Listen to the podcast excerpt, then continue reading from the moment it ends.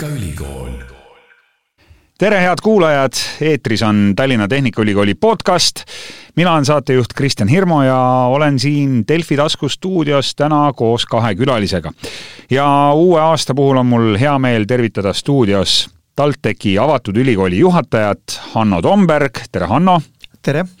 ja siin stuudios mikrofoni taga ka avatud õppekeskuse juhataja Ragne Kalamees, tere Ragne! tere! No Hanno, sina oled küll inimene, keda peaks teadma, et pea iga eestlane. räägi, mismoodi sina oled nüüd siis otsaga Tallinna Tehnikaülikooli jõudnud? sa kindlasti viitad sellele, et ma võiksin ka ajakirjanduslikku saadet teha, aga seda juba ammu ei ole teinud. Tegelikult ma kolm aastat tagasi tegin enda karjääris selle valiku ja pöörde, et ma asusin tööle sihtasutuse Archimedes äh, juhatusse, kus ma äh, vastutasin kõrghariduse ja struktuuritoetuste eest äh, ülikoolidele. ja sealtkaudu vähemalt minu enda jaoks kõrgharidus on muutunud hetkel hästi oluliseks küsimuseks, sest kogu meie haridusstrateegia on üles ehitatud sellele, et Eestis on rohkem kõrgharidusega inimesi, spetsialiste, töötajaid, kellel on kõrgem haridus, mistõttu hästi oluline on täna tööjõuturult tuua tagasi õppima ka need inimesed, kes mingil põhjusel on jätnud oma õpitee katki või kes täna leiavad, et nad tahaksid ülikooli tagasi tulla, aga tasemeõppesse või magistriõppesse otseselt eh, kohe tulla ei taha, vaid tahaksid kõigepealt proovida üksikuid aineid. ja seda avatud õpe täna võimaldab nii et eh, avatud ülikool ongi siis selline koht, kuhu põhimõtteliselt võib tulla õppima igaüks no põhimõtteliselt küll, oluline on see, et inimesel oleks vähemalt keskharidus ja see, et kas ta on varem õppinud või mitte, ei mängi siin äh, nii suurt rolli. tõsi, kui ülikool on pooleli jäänud, siis osa õppeaineid on täna võimalik üle kanda, aga selleks tuleb vaadata, et kas tänased ainekavad ka sellega klapivad ja sel puhul tasuks alati ka vastava teaduskonnaga üle rääkida, kas need ained on ülekantavad või mitte no Ragne, ma tean, et avatud ülikoolis, Tallinna Tehnikaülikoolis hakkab kohe-kohe vastuvõtt, see algab esmaspäeval, üheteistkümnendal jaanuaril ja kestab see pea et kuu lõpuni. sina tegeled igapäevaselt avatud õppeasjadega, mida peab see inimene tegema, kes tahab nüüd avatud ülikooli tulla ja teie juures õppima hakata? jaa, sisseastumisavaldusi kevadsemestriks on võimalik siis jah esitada kuni kahekümne üheksanda jaanuarini, ent äh, õppetöö algab juba kahekümne viiendal jaanuaril.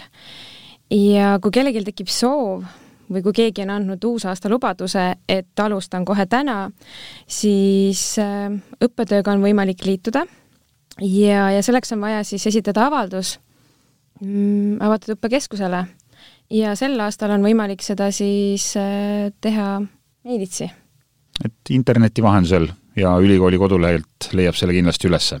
täpselt. keda te sinna avatud ülikooli õppima ikkagi ootate? on need äh, nooremad, vanemad, juba mingi kõrghariduse omandanud inimesed, et milline see keskmine õppuri profiil avatud ülikoolis on? Äh, avatud õppesse ootame kõiki, kes omavad vähemalt keskharidust aga ootaksime neid, kellel on äh, soov ennast siis kas tööalaselt, erialaselt, huvialaselt täiendada, kes soovib siis äh, omandada eriala või siis uut eriala kõrvale, lisaeriala, või siis äh, alustada oma õpinguid avatud ülikooli kaudu, et siis äh, heade õpitulemuste alusel üliõpilaskohale edasi kandideerida no mina olen ka ju tegelikult Tallinna Tehnikaülikooli avatud ülikooli ridades oma õpinguid uuesti alustanud, kunagi ammu-ammu nad mul katkesid ja ja minu selliseks tõukavaks jõuks oli siis perekonnatoetus ja soov mitte olla oma peres viimane, kellel on kõrgharidus, kuna laps käib, vanem laps käib praegu kolmandas klassis, siis on see oht täiesti olemas ühel, ühel päeval jääda nii-öelda temast maha. ma mäletan seda, et eh, minu õpingute ajal, kuna mu töö võimaldas seda teha täiesti sellises statsionaarses ja päevases õppes, oli tegelikult eh, täiesti tehtav ja hommikul kella kümneks loengusse minna pärast seda, kui raadio hommikuprogramm oli lõpetatud, ei olnud minu jaoks probleem, aga aga kuidas inimene, kes näiteks täiskohaga tööl käib, saaks avatud ülikoolis õppimas käia? No tegelikult toimub avatud õpe tasemeõppekavade alusel ja selliseid nagu sina on täna üpris palju, sest osad inimesed töötavad poole koormusega, osa inimesi on koroonast tingitult kaotanud töö, osa inimesi alles otsib endale uut tööd, ehk et ma usun, et ka statsionaaris on võimalik äh, kindlasti loengutel käia. samas on paljudel erialadel, eriti IT-s, IT-kolledžis või ka majanduserialadel, võimalik õhtuses õppes neid loenguid läbida. ja me peame arvestama, et täna me oleme ikkagi olukorras, kus suur osa meie õppest on distantsõppel, mis tähendab seda, et ka distantsõppel eh, on võimalik eh, oma erialaineid läbida. Äh, milliseks see kujuneb kevadel, me ette ennustada ei oska, aga ma usun, et see niisugune kontaktõppe ja distantsõppe vahekord jääb vähemalt viiskümmend, viiskümmend kevadsemestriks, tulenevalt sellest, et äh, kogu rahvastik ei ole selleks hetkeks veel vaktsineeritud. aga äh, tulevikku silmas pidades, siis tõepoolest, oma õppetee võid sa ise valida, mil moel sa seda läbid ja siin on abiks kindlasti avatud õppekeskuse konsultandid, kelle poole võib pöörduda ja küsida, et mil moel ühes või teises erialaines õppes. Toimub õpe kas päevases õppes või siis distantsõppel või ka sellisel moel, et äh, loengud toimuvad hoopis õhtuti. Nii et ma saan aru, et äh, sellist nii-öelda ajaraami ei ole ette pandud, et kui pikalt või kui kaua erinevaid aineid omandada või kursust läbida, et äh, avatud ülikool annab selles mõttes võimaluse seda teha endale sobivas tempos jaa, avatud õppes üksikute õppeainete noppimine ongi hea võimalus proovida ja testida näiteks kas või mitut eriala, mõtiskleda selle üle, mis tegelikult äh, kõnetab või huvi pakub. tegelikult on ka see hästi hea võimalus just testida seda eriala sobivust ilma end kraadiõppega sidumata ja selleks ei olegi vaja astuda kohe ülikooli, võid alustada avatud ülikoolist sest nagu ma ennist mainisin, et siis heade õpitulemuste korral on võimalik kandideerida üliõpilaskohale ja tingimus peab olema siis see, et vähemalt kolmkümmend ainepunkti õppekavast oleks äh, täidetud. Kas koroonaaeg nüüd kuidagi on äh, teie tööd veel mõjutanud, näete te, et äh, on suurem huvi avatud ülikooli erinevate ainete või kursuste vastu, kas see loob nagu tegelikult hariduse omandamiseks mingid paremad tingimused?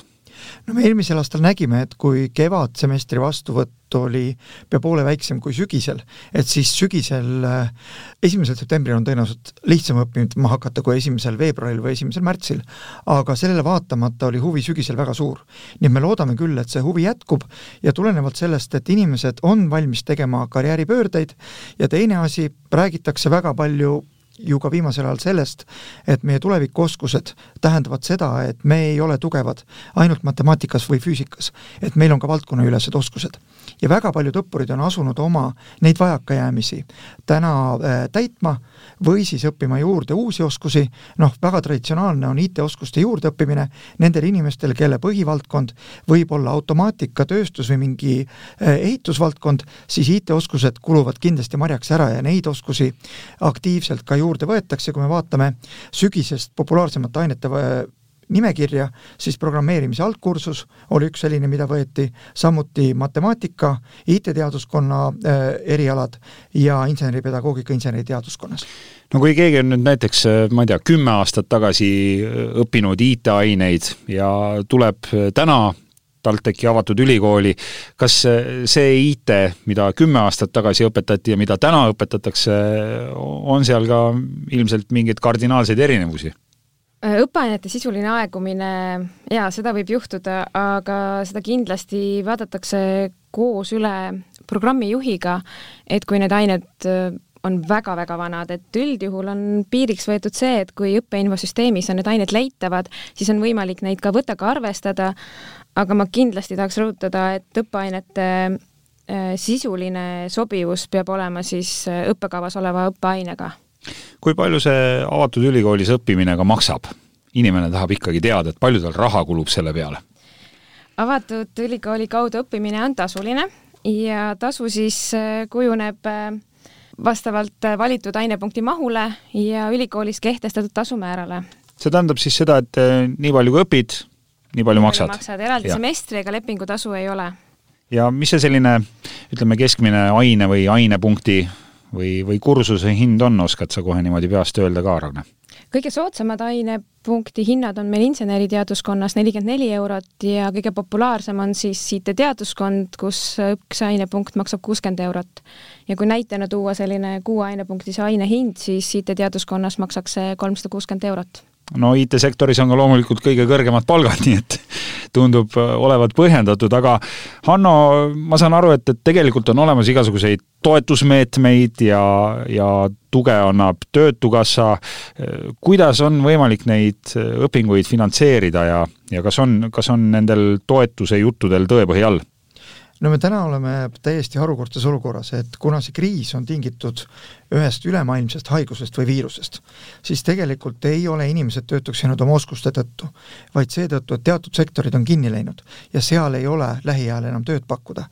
ja seetõttu, kui vaadata täna Töötukassa koduleheküljel nende inimeste profiili, kes on töötud ja kes on hiljuti töötuks jäänud, siis me näeme, et pea pool nendest on oskustöölised, spetsialistid, keskastme juhid ja ka juhid, kelle määr tegelikult äh, äh, täna töötute hulgas on üpris suur ja meie ülesanne ongi saada nad kiiresti tööjõuturule tagasi, aga selleks, et nad võiksid konkureerida uude töökohta, oleks oluline neil omandada nüüd uusi teadmisi.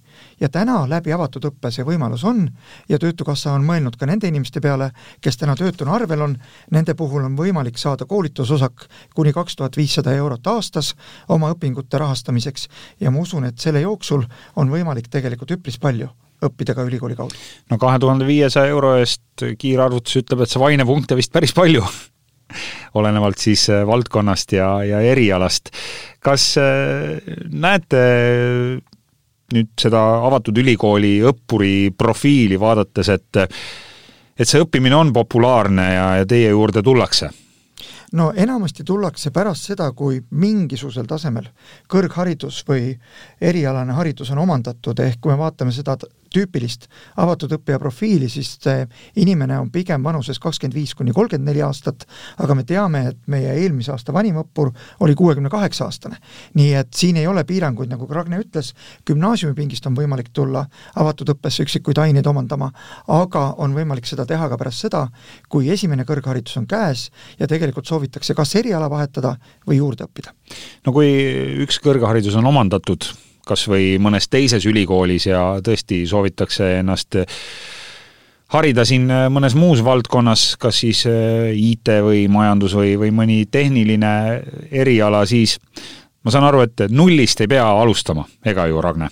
ei, see hirmutav mõte, et, et kas uuesti bakalaureuseõpe ja kas uuesti majandusmatemaatika või või füüsika, et siis mitte, et kui on plaan magistriõppes suunda vahetada, siis piisab äh, läbida lisaeriala avatud õppe kaudu ja, ja siis võib juba jätkata magistriõppes äh, teises valdkonnas.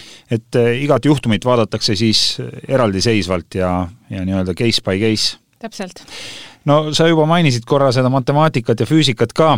Eh, mäletan eh, oma õpinguaegadest, kui ma nüüd uuesti avatud ülikooli raames Tallinna Tehnikaülikooli läksin, et eh, matemaatika oli see, mis põhimõtteliselt lõi ikkagi jalad alt, et esimene loeng, sa vaatad, et õppejõud kirjutab tahvlile mingeid arusaamatuid sümboleid ja valemeid ja, ja sa ei saa sellest mitte midagi aru. et kas on mingi variant, et inimene, kes tõesti ei ole nüüd aastakümneid isegi näiteks õppimisega kokku puutunud, saab ennast ikkagi kuidagi nendest kõige raskematest ainetest läbi närida?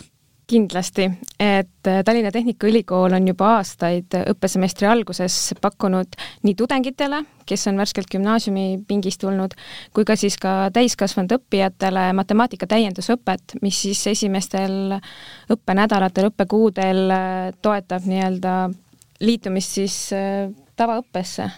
Et saab konsultatsiooni ja, ja saab ennast vaikselt uuesti lainele viia ja ja saab endale lasta asjad selgeks lahti seletada avatud ülikooli kaudu õppimine, ma saan aru, et on äh, väga populaarne. kas äh, on teil õppureid ka väljastpoolt Eestit? no väga palju neid inimesi, kes väljastpoolt Eestit äh, avatud õpet otseselt üles ei leia. küll aga on siin üsna palju juba välismaalasi, kelle abikaasa või elukaaslane töötab mingis kindlas valdkonnas ja neil on huvi ennast täiendada. ja sellisel moel on võimalik avatud õppesse tulla, aga siinkohal soovitaks taaskord rääkida kõigepealt konsultantidega, et leida endale sobivaim eriala, sobivaim aine või siis ka ainete moodul, juhul kui soovitakse tõepoolest juba komplekssemalt õppima asuda. olete teinud statistikat ka, et mis on kõige populaarsemad valdkonnad või ained, mida avatud ülikoolis või teie kaudu õppima tullakse? kuna avatud õppe kaudu on võimalik õppida kõikidel õppeastmetel ja kõikides valdkondades, siis äh, eraldi võib-olla tooks välja just IT ja majandusteaduskonna ained kui vaadata viimast äh, aastat, aasta kakskümmend kakskümmend, siis eristuvad äh, ained, mis on seotud juhtimisega, turundusega, ettevõtlusega ja IT programmeerimine. ja mulle tundub, et see viitab tegelikult sellele, et üsna paljud inimesed on otsustanud oma tulevase karjääri siduda omaenda ettevõttega või nad soovivad äh, juhtimisrolli täita kas või pereettevõttes. ehk et nad soovivad neid teadmisi omandada juurde, mis neil on seni eriala õppides äh, vähemaks jäänud. ja kui me mõtleme ka tasemeõppe peale tervikuna, nii magistri kui bakalaureuseõppes, siis see on ka üks ülikooli väljakutsetest, et ettevõtlusõpet järjest rohkem ka tasemeõppesse sisse tuua. no siin võin Hanno sõnu oma kogemusest kinnitada ja öelda, et näiteks majandusteaduskonna bakalaureuse programmis on täpselt need ained, mida vajab iga ettevõtja ja, ja mitte ainult finantsarvestus ja ja, ja rahandusained, vaid äh, tegelikult laiemalt, mida, mida iga, iga inimene siis, kes ettevõtlusega tegeleb, äh, võiks omandada ja avatud ülikooli raames on see kõik väga, väga lihtsaks tehtud. Ja tulevikus on ka mõte selles, et ka füüsikat õppides või inseneeriat õppides või automaatikat õppides sa saad ka ettevõtlusalused kätte kohe äh, ülikooli esimestel kursustel minu enda õpingud Tallinna Tehnikaülikoolis on kestnud eh, nüüd juba peaaegu et terve igaviku, tegelikult jäid nad vahepeal pooleli. Ja nüüd, kui ma uuesti avatud ülikooli raames eh, hakkasin teie juures käima, siis eh, tegelikult leidsime me seal spetsialistidega üles terve portsu vanu ainepunkte, mis kunagi olid nii-öelda siis juba auga välja teenitud, et kuidas on võimalik nende olemasolevate teadmiste ülekandmine praegu õpingutesse ja, ja räägi äkki, Ragne, natukene lähemalt sellest Võta programmist ka. et äh, Võta on siis varasemate õpingute ja töökogemuse arvestamine. on siis äh, võimalik kasutada ülikooli sisseastumisel, õppekava täitmisel või pooleli jäänud õpingute jätkamisel. nagu sinu puhul, Kristjan, äh, sina kasutasid teda siis õpingute jätkamisel, küll sa küll vahetasid suunda, aga said äh, üle kanda varem sooritatud õpingud. jah, mingis, mingis mahus. muidugi kõiki aineid ei arvestatud, aga aga eks nad ei, ei olnud ka sellest valdkonnast, mida ma õppima läksin nüüd uuesti majandusteaduskonnas ja ja võib-olla mõned olid ka nii-öelda moraalselt vananenud juba jaa, sest äh, võtte arvestamisel peab kindlasti vaatama, et ainete sisuline aegumine ja ainete sobivus õppekavaga oleks täidetud.